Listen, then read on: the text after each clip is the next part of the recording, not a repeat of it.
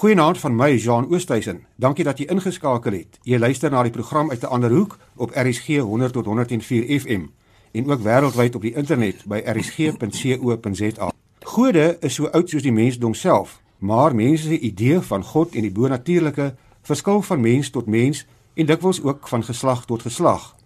Vanaand gesels ons oor die vraag: Waar kom die mense bewustheid van gode en die bonatuurlike vandaan en hoe dit oor die eeue heen verander het? My twee gaste is die filosoof professor Willie Esterhuise en die teoloog professor Pieter Crawford. Goeienaand Willie, baie welkom aan jou vanaand. Ja, baie dankie. Goeienaand Pieter, dankie dat jy gekom het. Nou, John. Pieter, jy het baie navorsing gedoen oor veral die bonatuurlike. Die onderwerp oor gode en die bonatuurlike oorvleuel nie heeltemal nie en dis miskien twee verskillende gesprekke, maar dit kan tog ook verband hou met mekaar.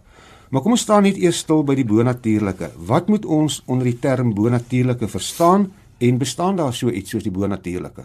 John, ja baie dankie. Jy vra nou 'n 'n kort vraagie wat eintlik die hele dag in beslag kan neem. Die bonatuurlike is 'n abstrakte term. Met ander woorde, dit verwys nie na iets konkreet nie.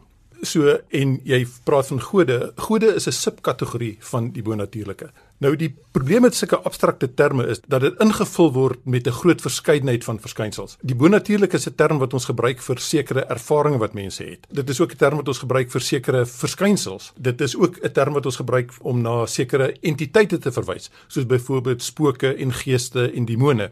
En onmiddellik kan mense aflei dat jy nie jy kan nie een 'n uh, enkelvoudige antwoord gee waar dit vandaan kom nie. Omdat dit so verskeidenheid dek, moet mens eintlik in detail gaan kyk na wat is hierdie lys en ons kan 'n hele dag neem om hierdie lys uit te brei en dan moet 'n mens gaan vra in elke individuele geval, waarom is hierdie spesifieke vorm van die bonatuurlike, waarom is dit deel van ons menslike ervarings? Willie Pieter het nou vir gesê die bonatuurlike verwys ook kan ook verwys na wesens of magte wat nie as natuurlik beskou kan word nie. sien dit dat hulle nie deur wette van die natuur of die wêreld verduidelik kan word nie. Hoe verstaan jy die bonatuurlike en veral in 'n moderne wêreld soos die waarin ons leef? Nou kyk in die menslike taal, maak ons gebruik van allerlei metafore en beelde. En sommige daarvan is deskriptief, sommige daarvan is preskriptief en sommige is gewoon spekulatief. En ek dink die verwysing na die bonatuurlike het te maak met hierdie wat ek maar nou wil noem metafories spekulatiewe neiging in die taal. En ek stem met hom saam. Maar ek verduidelik dit vir myself en vir mense wat vir my vra op te vereenvoudigde manier. Alles wat mense nie as natuurlik ervaar nie, skryf hulle dan toe aan die bonatuurlike, die andersoortigheid van die natuurlike. So jy kry hier 'n soort van polêre betrekking tussen dit wat mense fisiek ervaar en kan sien wetenskaplik en dis meer en dan ander wat hulle nie kan nie. Daarom kry mense ongelooflike verskeidenheid van verwysings uh, na die bonatuurlike afhangende van wie die ervaring het en dis meer. Soos byvoorbeeld die woord wat gebruik het spooke. Dit is vir sommige groeperinge en sommige kultuurgroepe iets anders. Interessante is in die soort goed waarna ek kyk en ek kyk nou 'n bietjie meer na die rol van die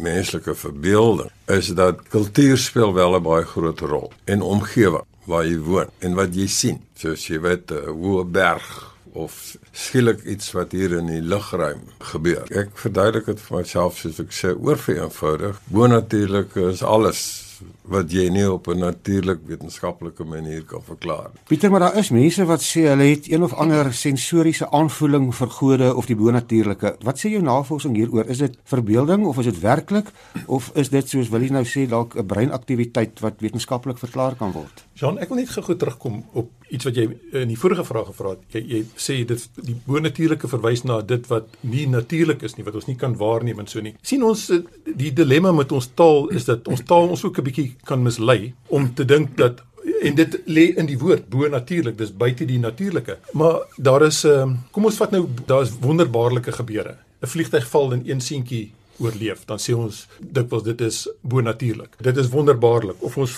praat van ongewone gebeure. Ons hoor dikwels van iemand wat 'n ongeluk en mense verwag as jy na die motor kyk, die persoon moes dood gewees het en dan daar uitkom. So ons gebruik die term bonatuurlik vir 'n verskynsel wat inderdaad daar is. Ons kan almal sien dit is regtig ongewoon dat iemand daar sou uitkom. Nou gebruik ons die term bonatuurlik daarvoor. So in daardie sin verwys dit nie na iets wat buite die natuur is nie. Die vraag is dan uh, ons gee 'n sekere interpretasie daar daaraan. Die opmerking dat dit buite die natuur is. Een van die interessante verskynsels is dat die bonatuurlike het nie verdwyn nie. Ten spyte daarvan van aansprake van veral in die wetenskaplike wêreld dat sodra mense genoeg inligting het, dan gaan die bonatuurlike verdwyn. Dit is in in feite nie waar nie, want die bonatuurlike bly deel van die menslike geskiedenis. Byvoorbeeld in die die meeste westerse wêreld is daar die idee van spooke het nie verdwyn nie. Mense, meer as 50% mense sê dat hulle dan glo, maar nie eintlik in die sin van glo nie, maar dat hulle dit ervaar het. So daar is sekere goed wat mense ervaar en wat dan geïnterpreteer word as bonatuurlik. Ons kan aan die een kant het jy mense wat dit ervaar en sê maar dit het werklik gebeur, dit is 'n werklike entiteit wat ek gesien het of ervaar het. Aan die ander kant is daar nou die mense wat sê maar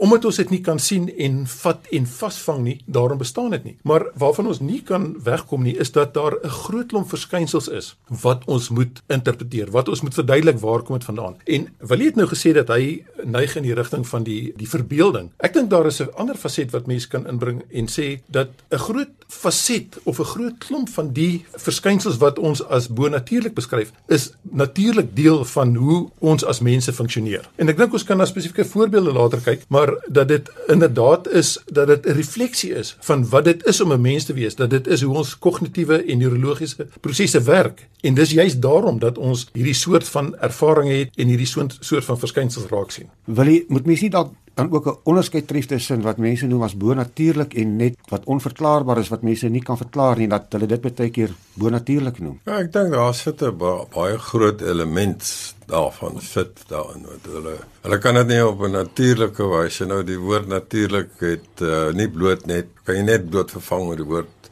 wetenskaplik nie en dit is 'n verklaring wat jy aanbied wat jou tevrede stel op 'n bepaalde manier en wat jou rasionele of die kognitiewe element in die brein as dit ware uitlok. En ek sê altyd dat die kognitiewe is nie bloot 'n gestruktureerde masjien nie. Dit lok jou ook uit om verduidelikings te gee en sin te maak van sekere goed waarmee jy gekonfronteer word. En dan dikwels sin so, so ervaar ek dit in 'n soort van taal spel wat gespeel word word die bonatuurlike dan as 'n term ingevoer om kom ons sê maar die nie kognitiewe en die nie verduidelikbare na vore te bring. Dit beteken nie dat mense die bonatuurlike wel ervaar as 'n element van meaningful life nie en van singewing en ek dink die groot waarna ek baie meer geïnteresseerd is is die hele woorde meaning of life of die sin van die lewe. En daarvoor het jy verskillende verduidelikings wat jy kan gee en ek soek op die oomblik 'n verduideliking en dis daarom ek na die brein verwys omdat daar verskillende funksies is. Dit is nie bloot net 'n kognitiewe funksie nie. Daar's ook 'n kreatiewe, verbeeldende funksie. Die Engelse woord vind ek so mooi, imagination. En daarom as jy oor die etiek praat, sê ek kan jy nie daarsonder praat as jy nie ook kyk na die mens se morele verbeelding nie. Die bonatuurlike gebruik van die woord en die interpretasie van die woord en die funksie wat dit in die taalspel speel, hou verband wat my betref met die funksies van die brein. Jean, ek dink dit is 'n 'n goeie illustrasie daarvan dat ons hierdie woord gebruik vir dit wat nie wat ons nie 'n verklaring vir het nie en daarom gebruik ons die term bonatuurlik. Dit is ook 'n term wat ons gebruik vir baie verskynsels wat baie natuurlik is. Vat maar byvoorbeeld die verskynsel dat mense gestorwe voorouers ervaar. Dit is 'n verskynsel wat in ons eie kultuur ons baie lank nie daaroor gepraat het nie. Maar wêreldwyd wys navorsing vir ons dat 'n groot aantal mense geliefdes na die tyd weer ervaar. So hulle sal vir jou sê daai persoon was werklik daar in een of ander vorm. Maar waarvan ons nie kan wegkom nie is dat hier 'n natuurlike verskynsel is dat mense en na die dood van 'n geliefde die, die teenwoordigheid van daai persoon ervaar. So die die verskynsel noem ons nou bonatuurlik, maar in 'n sekere sin as ons kyk na die algemeen wyd verspreide daarvan, is dit 'n natuurlike ding wat by mense voorkom en ons het vandag ook 'n beter meganismes om te praat daaroor dat dit psigologiese prosesse is wat plaasvind. Om aan te sluit by die die verbeelding dat kyk ons geheue en die manier hoe ons breine werk is is fenomenaal om dood is nie net 'n einde van 'n persoon nie. Ons hou nie net op om affektief aan iemand verbonde te wees met die dood nie. En daarom is daar hierdie soort van prosesse wat plaasvind dat jy op 'n baie baie realistiese manier 'n belewenis het van 'n persoon na daai persoon se afsterwe. Daar's ook sekere soos byvoorbeeld jy sien daai persoon. En ons weet dat die, die vermoë om hierdie visionêre ervarings te hê is deel van ons menslike make-up, van hoe ons funksioneer. So in daai sin is dit 'n baie natuurlike proses, maar wat ons nou 'n bo-natuurlike ons ons het hierdie etiket daarna gegee dat dit bo-natuurlik is. Maar wat ons vandag besef is dat ons al baie van hierdie prosesse al meer natuurlik kan beskryf en ervaar en vrede maak daarmee dat is hoe mense funksioneer. Wil jy eh, Pieter het nou verwys na hoe die wetenskap ook vorder en in wetenskaplike kringe word soms algemeen gereken dat die dat die mense bemoeienis met die bonatuurlike algaande sal afneem soos wat die wetenskap die geheimenisse van die fisiese werklikheid verklaar maar dit lyk nie of dit die geval is nie. Die bonatuurlike bly nog steeds ten spyte van die wetenskaplike inligting iets wat baie mense sê hulle ervaar. Nee, dit is inderdaad so. Ek dink net dat wat die wetenskap doen is om die aard van die bonatuurlike en die soort van betekenis wat daaraan gegee word, dit dit al gaande besig is om te verander. So ek werk met die idee van die evolusie van die brein. En as jy met daai konsep werk, moet jy natuurlik aandag gee aan die kognitiewe, dit sou uit die wetenskap gekom het. En dit is 'n bepaalde segment van die brein, maar daarteenoor, jy weet, is ook die verbeelding, die kreatiewe. Dan kry jy mense wat kan skilder. Ek gebruik graag die voorbeeld oor van Gogh en Mandela. Van Gogh sit daar in sy kamer en hy kyk deur die tralies. Daar's tralies waardeur hy kyk. Hy sien nie die tralies nie. Hy sien 'n landskap en hy skilder daai landskap op 'n verbeeldingrike wyse, nie 'n realistiese wyse nie. En dit is 'n voorbeeld van hoe die verbeelding werk. Uh, in die geval van Mandela, hy sit op Robben Island in die tronk, hy tuur deur die tralies. Hy sien nie die tralies nie. Hy sien 'n nuwe Suid-Afrika. En dit is uh, waarom ek baie graag die woord verbeelding gebruik en en ek kan nou 'n bietjie verder daarop ingaan en so maar dat ek dit nou net los. Jy gebruik ook tekste om die morele verbeelding te ondersteun. Die Bybel is wat my betref bloot een van die tekste. Daar is ook ander tekste, die Upanishads en die Bhagavad Gita of die Koran en so verskillende tekste en dan kry jy ook ervarings wat mense het wat hulle vertel. Stories wat hulle vertel oor hoe hulle die bonatuurlike ervaar wat dan deel word van hierdie faset wat ek die verbeelding noem en dan verwys ek spesifiek na die moral imagination. En ek dink dit is 'n baie belangrike element dat ek dit net afsluit deur te sê ek dink as uit my posisie verduidelik ek die Bybel nie as 'n bonatuurlike boek nie maar as, 'n versameling van baie interessante stories en 'n hele klomp mites wat niks anders doen as om die morele verbeelding van die mens te stimuleer nie Ja, ek is bly jy verwys na die wetenskap, want dit is inderdaad sodat die wetenskap ons alternatiewe maniere gee van verstaan en ver, verklaar hierdie bo-natuurlike verskynsels. Ek wil 'n voorbeeld noem van ek het eh, reeds verwys na spooke. Dis baie interessant dat dit is een van daardie verskynsels wat nie verdwyn nie en ten spyte daarvan dat wetenskaplikes gesê het as ons net genoeg weet dan gaan dit verdwyn. Maar daar's baie goeie redes waarom dit nie verdwyn nie. Ek wil sommer net 'n paar noem. Kognitief werk ons so dat wil jy ook na die evolusie verwys. Ons voorouers het sekere kognitiewe funksies ontwikkel. Byvoorbeeld, ons hoef nie 'n volledige prentjie te sien om 'n prentjie op te maak nie. Jy stap in die bos en jy hoor 'n geritsel of jy sien 'n skaduwee. Ons voorouers wat gedink het dit kan dalk 'n roofdier wees, is die ouens wat oorleef het. So daardie vermoë om vanuit sommige persepsies 'n prentjie te maak is een van die meganismes wat onderliggend is aan die ervaring van spooke. Met ander daar is sekere kognitiewe prosesse wat 'n misinterpretasie van sekere stimuli en dan kom ons daarby uit. Ek, ek wil 'n ander interessante voorbeeld noem. Daar is sekere liggaamlike ervarings wat ons kan hê. Die voorbeeld van infraklank. Dit is 'n 19 Hz klank. Nou 'n menslike oor kan tot by 20 Hz, tussen 20 en 20000 hoor, maar 19 Hz kan ons nie hoor nie, maar ons liggame kan dit ervaar. So mense wat in daai omstandighede geplaas word, ervaar 'n nabyheid. Daar's 'n hele klomp fisiese prosesse wat plaasvind. Mense word naar, party mense sien visioene. En die interessante ding hulle het toe hulle dit ontdek het, was dit spesifiek in 'n situasie waar iemand hierdie krielrige gevoel ervaar het. En toe hulle ontdek dat infraklank hierdie impak op hulle liggaam het, toe het hulle inderdaad na 'n 'n klomp van hierdie spookhuise gegaan en toe ontdek dat daar 'n natuurlike proses is van infraklank met ander klankgolwe wat teen 'n sekere frekwensie daar beweeg wat verklaar waarom mense op sekere plekke hierdie soort van ervaring het. So wat ek probeer sê is daar is meer as een rede of vers, verklaring vir waarom hierdie soort verskynsels nie wil ophou nie.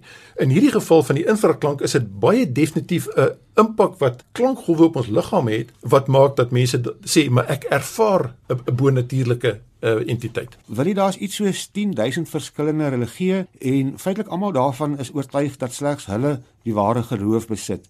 Waarom is daar dan so baie gode en is dit 'n werklikheid of is dit ook maar 'n mens se verbeelding? Nee, wat dit is gaan 'n werklikheid al hierdie gode nie. Dit is maar maniere waarop mense probeer om sin van hulle lewe te maak en dit hou ook verband met geskiedenis waar hulle vandaan kom en watter soort heilige boeke hulle lees. Daar is hoeveel heilige boeke en ek lei dit terug tot iets wat ek jy wil ingooi. Ek sal byvoorbeeld baie min na die woord bonatuurlik verwys. Ek verwys nooit daarna nie. Ek verkies om oor die woord spiritualiteit te praat. Want ek dink die die mens ook kognitief en wat sy brein betref, openbaar ook sekere affiniteite wat spiritueel is en wat anders is. En dan die verskillende soorte van wil ek bysê godsdienste kom uit hierdie omgewing van die brein waar die die verbeeldende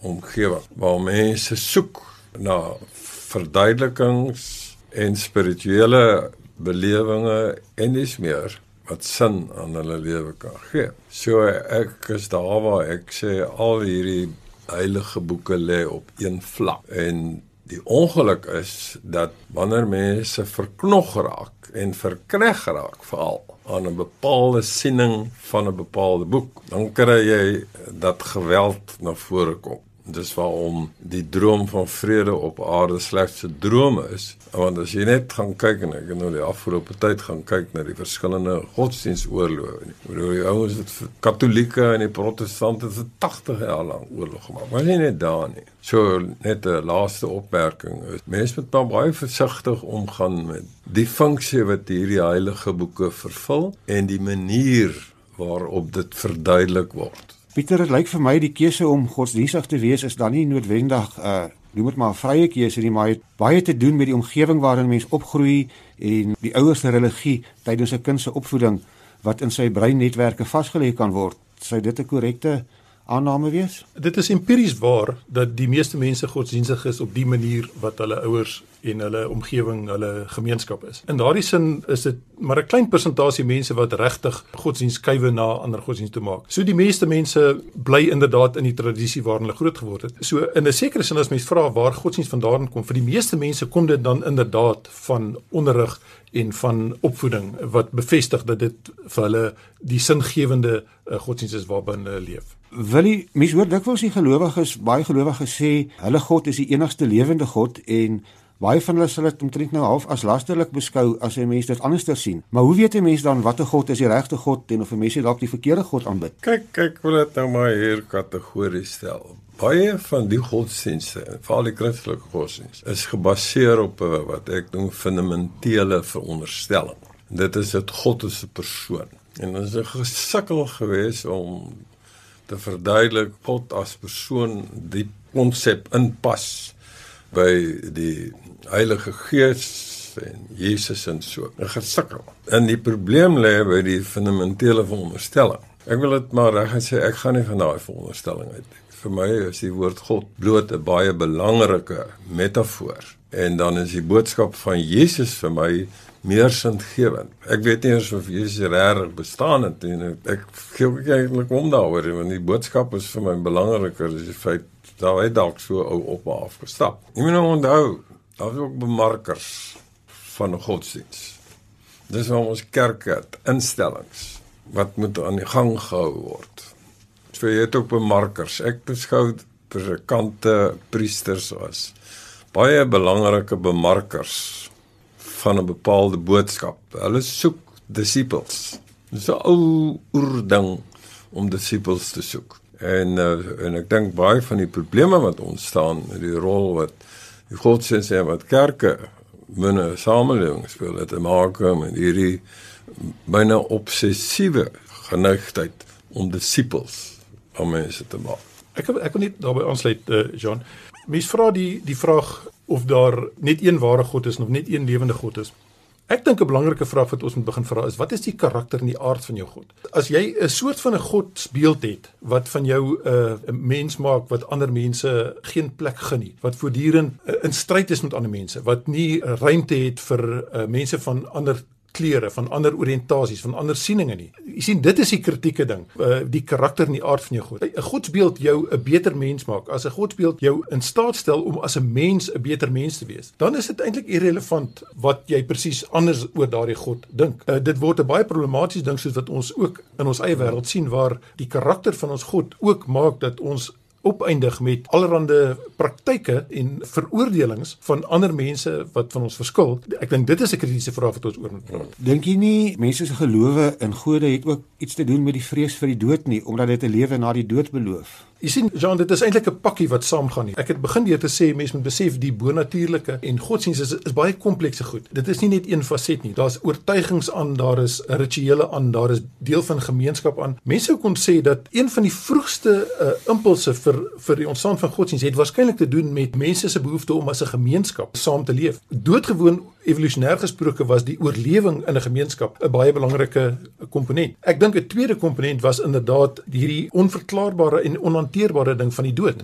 En godsdienste per definisie gee 'n antwoord of ten minste 'n manier vir mense om daaroor te praat. Wil jy nou nou verwys na geweld ook in godsdienst en dit is vir my interessant dat van die verskillende godsdienste en gode byna almal van hulle het op een of ander manier iets daarmee te doen dat hulle kan mense doodmaak in die naam van die god wat hulle aanbid, selfs vroue, kinders, diere is baie keer so doodgemaak in opdrag van hulle gode. Ja, kyk al was uh, die oortye was uh, die belangrikste god was die oorlogsgod want hulle die oorlogsgod nodig gehad want dit hulle gemotiveer om te verower grondgebied te verower of dit nou die Grieke is of die Romeine of selfs die Christene as jy nou net dink aan Konstantin wat 'n gesig gesien het en wat sy simbool was die van die kruis. Die swaarde wat hulle gebruik het om ander mense mee dood te maak was in die vorm van 'n kruis. So daai funksie van die oorlogsgod wat ek nou nou ook bekyk, waar pas dit in in die moral imagination of in die mense morele bewussyn? Dan lê dit daarin dat dit gebruik is as 'n motivering, baie sterk in 'n kragtige motivering selfs in die Tweede Wêreldoorlog. Ek sê volmondig saam dat 'n mens oor die hele kwessie van die funksie van die gode heel versigtig moet wees en waar dit vandaan kom. Dit gaan nie net bloot oor 'n lewe na die dood nie. Ek dink vir baie mense is dit 'n baie primêre dryfkrag. Maar gemeenskapsvorming het ook 'n rol gespeel. As jy kyk na Malta, Malta is 'n gemeenskap wat nou nog nie mense nou nog nie heeltemal begryp waar dit vandaan kom en hoe dit bymekaar gekom het wat ons wel weet is dat dit rondom tempels gevorm rondom tempels. En in die opgrawings in Turkye van dit kom hier uit 12000 voor Christus van 'n tempelkompleks is dit interessant dat daar nie dorp daar rond nie dis 'n tempel sodat die tempel was 'n simbool van ook van versameling en van gemeenskapsvorming so ek dink Dis 'n hele rykie van redes. As ek nou moet uitsonder die mees problematiese rede is die regverdiging van geweld. En dit is waarom ek so verknog is en selfs verkneg is aan die boodskap van Jesus. En selfs dit vergelyk met die boeddhisme. Want dis een van die min lewens en wêreldbeskouinge wat reg vrede. So so my primêre punt is ook wat die, die religieuse betref en die spirituele en die morele verbeelding is wat kan jy doen en hoe moet jy optree sodat jy ten minste 'n relatiewe vorm van vrede in hierdie gewelddadige wêreld waarin ons ons bevind. Ons tyd is byna verstreke. Pieter, jy het nou nou gesê en Willie sê dit ook nou wat vir julle belangrik is is hoe 'n mens se godsbeeld lyk. Maar die Christelike geloof het homself nog altyd net soos ander godsdienste voorgestel as 'n religie van vryheid en humaniteit. En tog is humanisme vir baie Christene eintlik 'n skeldwoord. Ek kan 'n belydenis maak terwyl hy dink. Ek beskou myself as 'n Christelike humanis en ek is 'n volgeling van Desiderius Erasmus. Vir die humanisme is nie vir my 'n probleem nie. Pieter Ja, Jean, ek dink jy's reg in die opmerking wat jy maak dat vir die Christelike godsdiens was humanisme 'n probleem. Dit is iets wat voortdurend beveg eh, moet word. Ek dink ons moet ons humaniteit herontdek. Wat ek vroeër oor die bonatuurlike gesê het, is dit dit gee ons 'n prentjie op hoe mense is. En as ons as ons begin vrede maak dat baie van hierdie ervarings deel is van menswees, dan kan ons ook met meer verdraagsaamheid daarmee omgaan hoe dit in die menslike wêreld manifesteer. Baie dankie. Ongelukkig is ons tyd verstreke. Baie dankie aan my twee gaste, die filosoof professor Wille Esterhuise en die teoloog professor Pieter Crawford vir julle deelname aan vanaand se program. As jy wil kommentaar lewer, stuur gerus vir ons 'n SMS na 45770 of gesels saam op ons Facebookblad uit 'n ander hoek. My e-posadres is jean.oosthuizen@gmail.com of volg my op Twitter by jeanoost. Al die programme is ook as potgoeie op RSG se webwerf beskikbaar. Dankie dat jy saamgeluister het van my, Jean Oosthuizen. Totsiens tot volgende week, dieselfde tyd net hier op RSG 100 tot 104 FM wanneer ons weer uit 'n ander hoek gesels.